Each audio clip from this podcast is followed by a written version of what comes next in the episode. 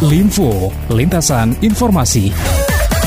Baik, Classy People, hari ini serentak pemungutan suara ulang di 12 TPS yang tersebar di 9 kabupaten kota yang ada di Sumatera Barat. Ketua KPU Sumatera Barat Yanu mengatakan pemungutan suara ulang hasil rekomendasi Bawaslu kepada KPU Sumatera Barat.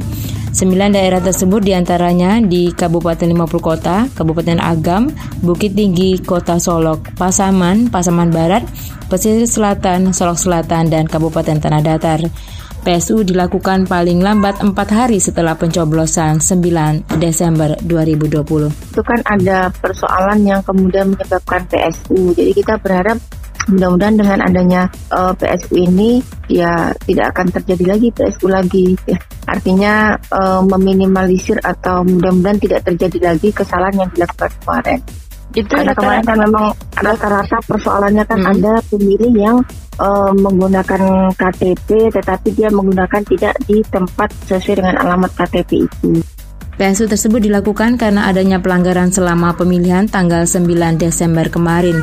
Di antaranya pemilih yang tidak terdaftar menyalurkan suaranya di TPS tersebut tanpa menggunakan formulir pindah memilih.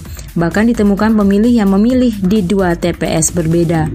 PSU ini dikawal ketat aparat kepolisian, pemilih maupun petugas di TPS diwajibkan disiplin menerapkan protokol kesehatan karena pemilihan saat ini di tengah pandemi.